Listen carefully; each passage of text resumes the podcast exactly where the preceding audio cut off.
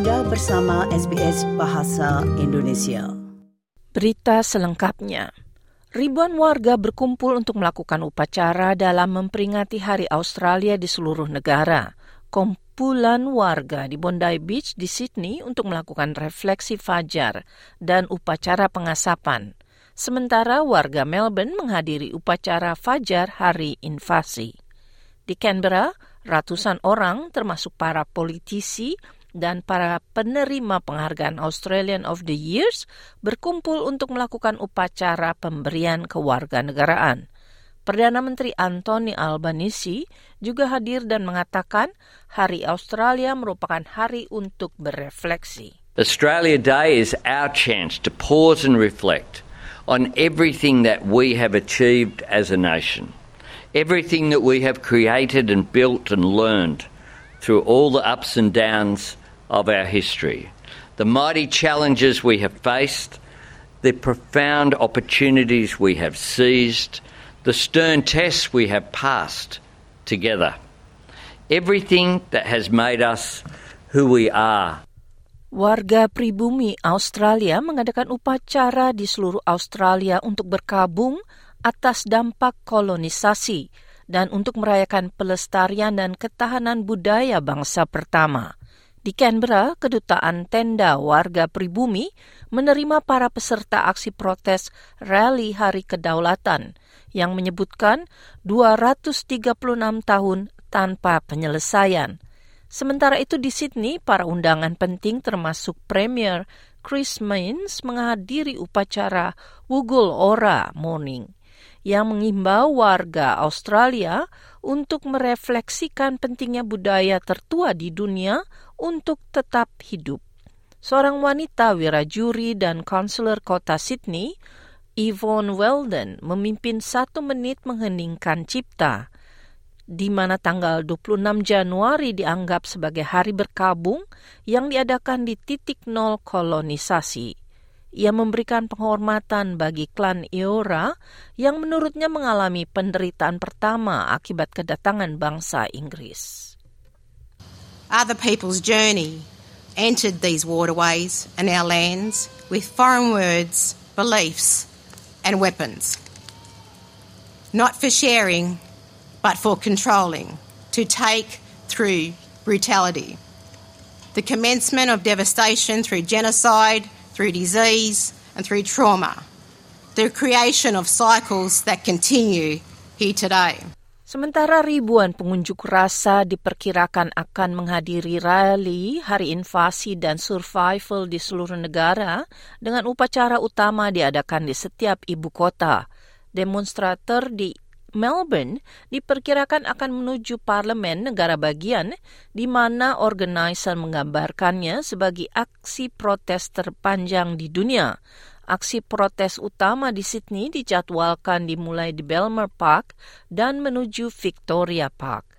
Organizer meminta diakhirinya kematian dalam tahanan, menghentikan diskriminasi perumahan dan pelayanan kesehatan, serta berbagai masalah lainnya. Paman Bill Nicholson, seorang penatua dari suku Wurundjeri di Melbourne, mengatakan hari ini merupakan hari yang penuh emosi. I always get goosebumps at this time of year, standing in front of so many people, both Indigenous and non-Indigenous, um, who want to change this date that celebrates genocide, murder and theft and create a more, what we'd say in language, Jindi Warabak Balak, which is unity in the community by celebrating all the diversity. Topan Kirili telah diturunkan tingkatnya menjadi badai tropis rendah setelah melewati barat laut pesisir Queensland di kota Townsville sebagai sistem yang kuat yang pernah terjadi di utara. Topan telah mengakibatkan lebih dari 53 ribu pelanggan perusahaan listrik Airgon tanpa aliran listrik di utara Queensland, dengan mayoritas daerah terdampak di Townsville. Kondisi harus aman sebelum kru darurat memeriksa kerusakan yang terjadi pada sistem grid dan perusahaan mengatakan prioritas untuk mengembalikan listrik adalah bagi rumah sakit, sekolah, dan prasarana kritis. Partai Hijau meminta perbaikan lebih jauh pada usulan pemotongan pajak tahap ketiga dari pemerintah federal. Di bawah skema baru ini, siapa pun yang berpenghasilan kurang dari 150 ribu dolar akan menerima potongan pajak terbesar, sementara mereka yang berpenghasilan lebih besar akan mendapatkan keuntungan yang lebih kecil daripada yang dijanjikan sebelumnya. Perubahan awal dari pemotongan pajak tahap ketiga ini harus disetujui parlemen dengan dukungan Partai Hijau serta anggota dari kedua belah pihak sebelum diterapkan pada bulan Juli mendatang. Menteri Emergency Management Murray Watt berbicara kepada Sky News, ia percaya masyarakat umum akan mendukung perubahan ini. There was unanimous support for this plan in our caucus, unanimous support for it in our Cabinet and our Expenditure Review Committee. The entire Labor team is behind this plan, and that's because it delivers a tax cut to every single Australian taxpayer and does a huge amount for middle Australia, a lot more than what the coalition was offering under Scott Morrison and now under Peter Dutton. Senator Partai Buruh dan Penatua Suku Yawuru Pat Dodson mengundurkan diri hari ini setelah lebih dari tujuh tahun berada di majelis tinggi. Senator yang berusia 75 tahun ini dikenal dari usahanya memajukan hubungan antara warga pribumi dengan warga lainnya di Australia. Ia menduduki posisi penting, termasuk baru-baru ini sebagai utusan khusus rekonsiliasi dan penerapan pernyataan uluru dari hati. Sebelumnya ia merupakan direktur Kimberley Land Council dan Central Land Council serta komisioner penyelidikan kematian warga pribumi dalam tahanan. Kita beralih ke luar negeri. Menteri Kesehatan Gaza mengatakan paling sedikit 20 warga Palestina yang sedang mengantri untuk mendapatkan bantuan makanan menjadi korban dan 150 lainnya terluka dalam serangan Israel di kota Gaza. Organisasi Kesehatan PBB atau WHO melaporkan kebutuhan akan makanan sangatlah tinggi di utara dan para pekerja kemanusiaan mengatakan bantuan yang jarang tersebut sering habis diserang warga yang kelaparan. Kepala WHO Tedros Adhanom Ghebreyesus menangis ketika meminta solusi politik. Ia mengatakan ia sulit berbicara karena keadaan yang tidak dapat digambarkan dengan kata-kata. The risk of epidemics is increasing and people will die because of that as well. And people are facing death or risk of death because of hunger and starvation and famine.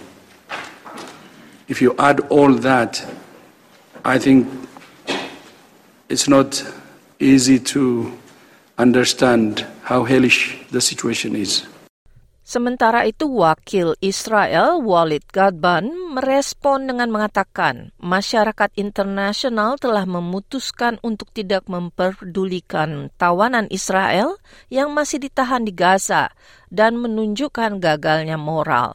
Lebih dari 130 tawanan masih berada di Gaza. Bagian besar dari undang-undang imigrasi Prancis akan dihapuskan menurut Kansil Undang-Undang Dasar negara tersebut. Undang-undang yang kontroversial akan membatasi para migran untuk mendapatkan bantuan kesejahteraan, membawa keluarga mereka masuk ke Prancis, dan hak bagi anak-anak mereka, meskipun mereka lahir di Prancis, tidak bisa menjadi warga negara. Namun pengadilan menyetujui 35 dari 80 usulan yang kebanyakan diusulkan oleh oposisi dari pembuat undang-undang konservatif.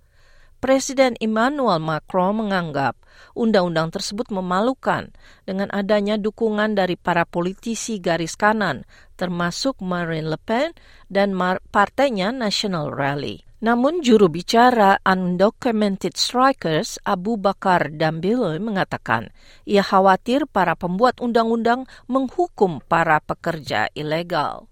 It is up to them to tell us what the values of the Republic are. Do they at least respect these values? We have no problem with the Republic. We have a problem with the system. I think that the Republic does not say that we exploit people in an irregular situation and that afterward we tell them that they will not have the right to anything.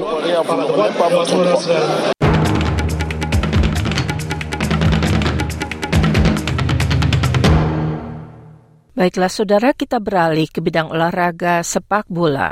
Tim Sokru akan berhadapan dengan tim Indonesia hari Minggu malam pukul 10.30 di putaran 16 di Asian Cup di Qatar akibat sebuah gol terlambat dalam sebuah pertandingan antar kedua tim. Kyrgyzstan berhasil mencetak gol dalam 10 menit pertandingan melawan Oman untuk menyelamatkan posisi seri 1-1 kedua tim top dalam kelompoknya dan merupakan tim posisi keempat terbaik yang memasuki putaran ke-16. Oman gagal menang yang berarti mereka tidak termasuk dalam tingkat empat terbaik. Sebaliknya Indonesia berhasil masuk. Sebelumnya apabila Indonesia tidak berhasil, maka Australia akan berhadapan dengan tim Palestina di putaran ke-16. Australia belum berhadapan dengan tim Indonesia sejak tahun 2010 ketika tim Australia mengalahkan Indonesia 1-0 di Brisbane. Apabila Australia mengalahkan Indonesia di putaran ke-16 ini, maka mereka akan berhadapan dengan Korea Selatan atau Arab Saudi di perempat final. Baiklah, akan saya sampaikan nilai tukar mata uang asing hari ini. Nilai tukar mata uang asing hari ini 1 dolar Australia terhadap dolar Amerika sebesar 66 sen, terhadap rupiah sebesar 10.432,79 sen, terhadap euro 61 sen, dan terhadap pound sterling 52 sen. Dan berikut ini saya akan sampaikan perakiraan cuaca di kota-kota besar Australia besok hari Sabtu tanggal 27 Januari 2024. Perth cerah 31 derajat Celcius, Adelaide sebagian berawan 22, Melbourne berawan 22, Hobart berawan sebagian 19, Canberra cerah 26, Bolonggong berawan 24, Sydney berawan 24, Newcastle hujan disertai angin keras 24, Brisbane hujan 33, Cairns juga hujan 33, dan akhirnya Darwin hujan 20 derajat Celcius. Sukai, berbagi, komentar. Ikuti SBS program Bahasa Indonesia di Facebook.